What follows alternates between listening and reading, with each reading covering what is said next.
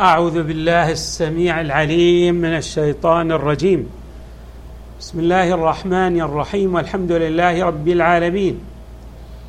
والصلاة والسلام على أشرف الخلق سيدنا ونبينا محمد وآله أجمعين الطيبين الطاهرين.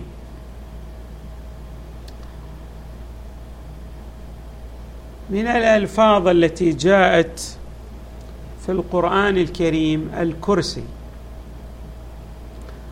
وقد تصور بعض الحشوية أن الله تبارك وتعالى له مكان وبالتالي هو كسائر الملوك له كرسي يجلس على كرسيه.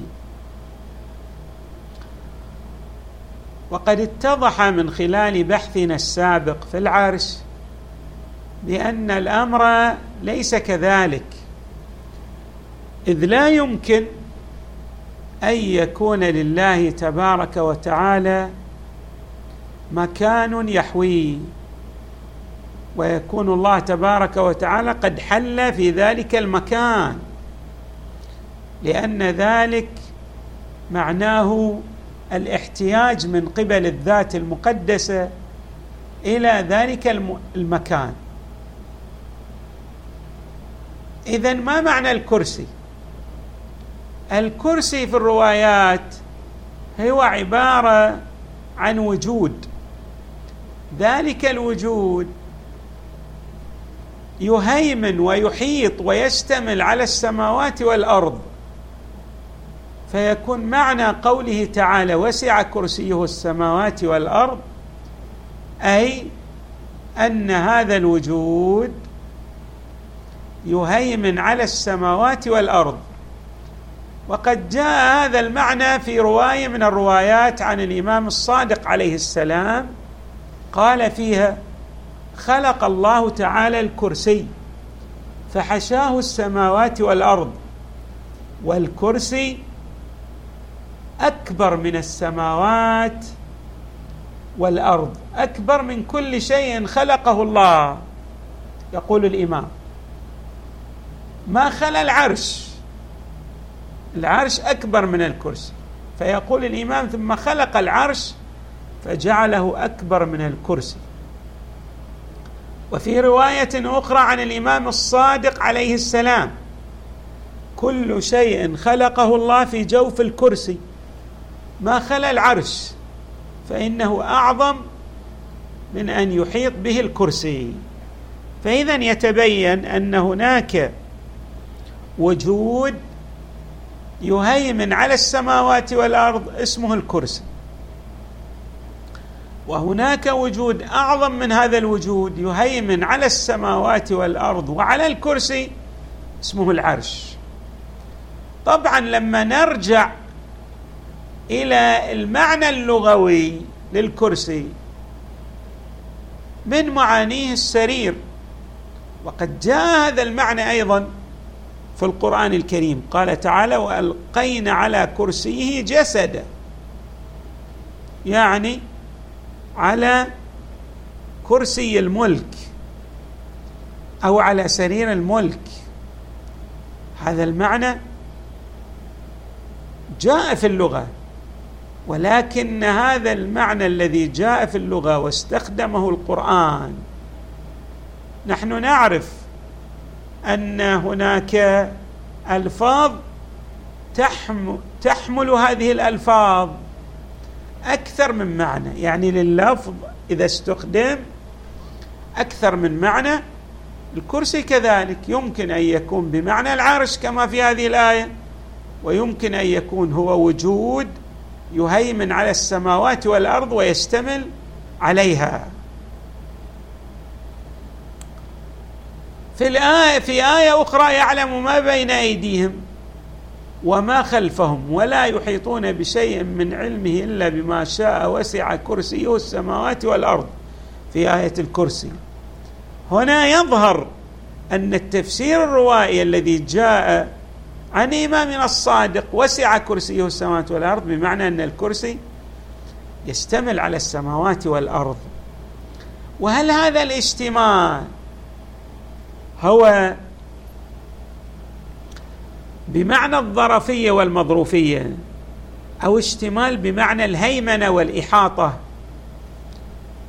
بغض النظر عن وجود ظرف ومظروف. بعض الروايات يظهر منها يعني أن كلا المعنيين يمكن أن تكون الآية المباركة تشير إلى كلا المعنيين. لاحظوا مثلا الروايات التي قرأناها تدلل على وجود ظرفية ومظروفية. بينما هناك روايات أخرى تدلل على ماذا؟ الإحاطة العلمية. بمعنى الاشتمال ليس بالضرورة أن يكون بالمعنى الحسي. هناك وجود يحل فيه وجود آخر أصغر منه. لا الأمر ليس كذلك. مثلا هنا رواية عن إمامنا الصادق عليه السلام.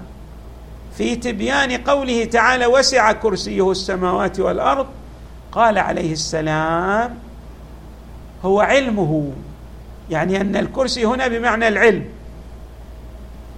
اذا لا نستطيع أن نقول إن المعنى الأول في الإحاطة هو المراد فحسب. قد يكون استخدام الكرسي آه يراد به أكثر من معنى. يراد به الإحاطة والاشتمال العلمي وقد يراد به آه، الظرفية والمظروفية. أيضا من الألفاظ التي جاءت في آيات القرآن الكريم إنهم ملاقوا ربهم اللقاء مع الله تبارك وتعالى ملاقاة الرب. ملاقاه الله تبارك يوم يلقونه. هناك لقاء. ما هو المراد بهذا اللقاء؟ هل أنك تلتقي بالله كما تلتقي بغيره من المخلوقات؟ فقوله يوم يلقونه يعني يوم يلتقون به كما يلتقي أحدنا بالآخر تعالى الله عن ذلك علوا كبيرا لأن معنى ذلك اولا الإحاطة بالله تبارك وتعالى والأمر الثاني أيضا أن يكون لله تبارك وتعالى مكان. تعالى الله عن ذلك. المعنى المراد من اللقاء أن الخلق تحت قدرة الله تحت هيمنته تحت حكمه. ولكن هذا الحكم يعني ليس المراد به. نحن الآن في عالم الوجود المادي أيضا تحت هيمنته. ولكننا لا نخضع لحسابه وعقابه يعني يحاسبنا ويعاقبنا على أفعالنا التي لا يرتضيها منا. بخلاف في يوم اللقاء هناك حساب وإعمال للقدرة والسلطنة الإلهية. فلعل المراد من قوله تعالى يوم يلقونه أو إنهم ملاقوا ربهم المراد بهذا اللقاء هو هيمنة القدرة الإلهية. والحساب الدقيق. للحق تبارك وتعالى على الخلق واستشعار العبد بهذه الهيمنة والحساب. يعني يرى العبد أنه تحت هذا القهر الإلهي. وهناك بعض الآيات تشير إلى هذا المعنى. يعني أن الإنسان في عوالم الآخرة يستشعر الوجود الحق والإحاطة والقيومية على نحو تام ليس كالإحاطة والقيومية التي يعلم بها الإنسان في الحياة الدنيا ولكن ليس بذلك الوضوح والظهور. فيكون المعنى أيضا يعني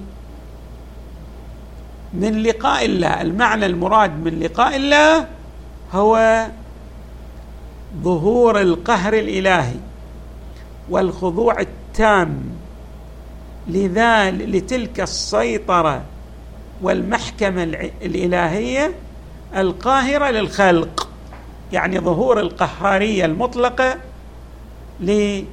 في حساب المخلوقين. ويمكن أن يكون له معنى آخر فمعنى إنهم ملاقوا ربهم. يعني ملاقوا ثواب ربهم. ملاقوا نعيم ربهم. ملاقوا جزاء ربهم. ملاقوا فضل ربهم. يمكن أن يكون بهذا المعنى. فاللقاء قد يكون بهذا المعنى. قد يكون بمعنى ملاقاه الحساب والقهارية والهيمنة لله تبارك وتعالى على الأعمال وقد يكون بمعنى ملاقاة الجزاء الذي يشير إليه بل يفصح عنه قوله تعالى فمن يعمل مثقال ذرة خيرا يره. يراه متى؟ في عوالم الآخرة. ومن يعمل مثقال ذرة شرا يره. أيضا من الألفاظ التي جاءت في القرآن الكريم. لفظ القرب. قال تعالى ونحن أقرب إليه من حبل الوريد. الله هو أقرب للإنسان من نفسه. هذا قرب الحق من الخلق. ما معناه هذا ما يطلق عليه. في الفلسفة بالإضافة الإشراقية. يعني أن وجود المضاف بالنسبة للمضاف إليه هو ماذا؟ هذا الوجود. بمعنى أنها حقيقة هذا الوجود هو بإعطاء المدد بإعطاء القدرة. أما لو خلي هذا الوجود بذاته فلا وجود له. فتكون الممكنات بالنسبة إلى الله تبارك وتعالى في وجودها كما يعبر الحكماء موجودة بالوجود التعلقي يعني لا حقيقة لها بذاتها وإنما حقيقة الوجود التي تتصف بها بارتباطها بالموجد بالحق تبارك وتعالى. هذا المعنى نعبر عنه بالقرب الإلهي لأن الله تبارك وتعالى هو الذي أعطى هذا الخلق المدد لأن يتصف بالوجود. يعني أعطاه الوجود أعطاه الحياة أعطاه جميع ما لديه. ولولا هذا العطاء والنعمة والخلق والإفاضة من قبل الله تبارك وتعالى لما كان للخلق وجود على حدة يعني بذاته فيتمتع بوجوده بغض النظر عن هذا العطاء والنعمة والمدد الإلهي. فيكون معنى قوله تعالى ونحن أقرب إليه من حبل الوريد أي نحن نحيط به. نحن نمده نحن نعطيه وليس يراد به القرب المكاني بل يراد به القرب المعنوي لأن الوجود المتعلق لا وجود له إلا بوجود هذا المدد الآتي إليه من الوجود المتعلق به من وجود الله تبارك وتعالى. وهذا معنى القيومية. حقيقة القيومية أن الله قائم على وجود الأشياء فيكون معنى ونحن أقرب إليه من حبل الوريد. إي نحن أقرب إليه بإحاطتنا بقيامنا عليه. نعم. كما نعبر عنه في التعبيرات بالنسبة للمسؤول عن المسؤول عنه بأنه يشرف عليه. يدير أموره يحيط بشؤونه ولكن الإحاطة والقيومية بالنسبة للحق تختلف اختلافا جوهريا عن الإحاطة والقيومية بالنسبة للخلق. لأن كما عبرنا هذه إحاطة بلحاظ الإضافة الإشراقية يعني أن الموجود لا وجود له إلا من خلال ذلك المدد الذي يأتيه من الموجد والمبدع والخالق. فيتضح أن معنى قوله تعالى ونحن أقرب إليه من حبل الوريد أي أنه لا وجود لهذا الوجود الممكن إلا بإعطائنا له بإمدادنا له بهذه بالوجود وبالنعم الذي أفضناها عليه. اللي قلنا يساوق الإحاطة والقيومية والإشراف والعلم. والحمد لله رب العالمين وصلى الله وسلم وزاد وبارك على سيدنا ونبينا محمد وآله أجمعين الطيبين الطاهرين.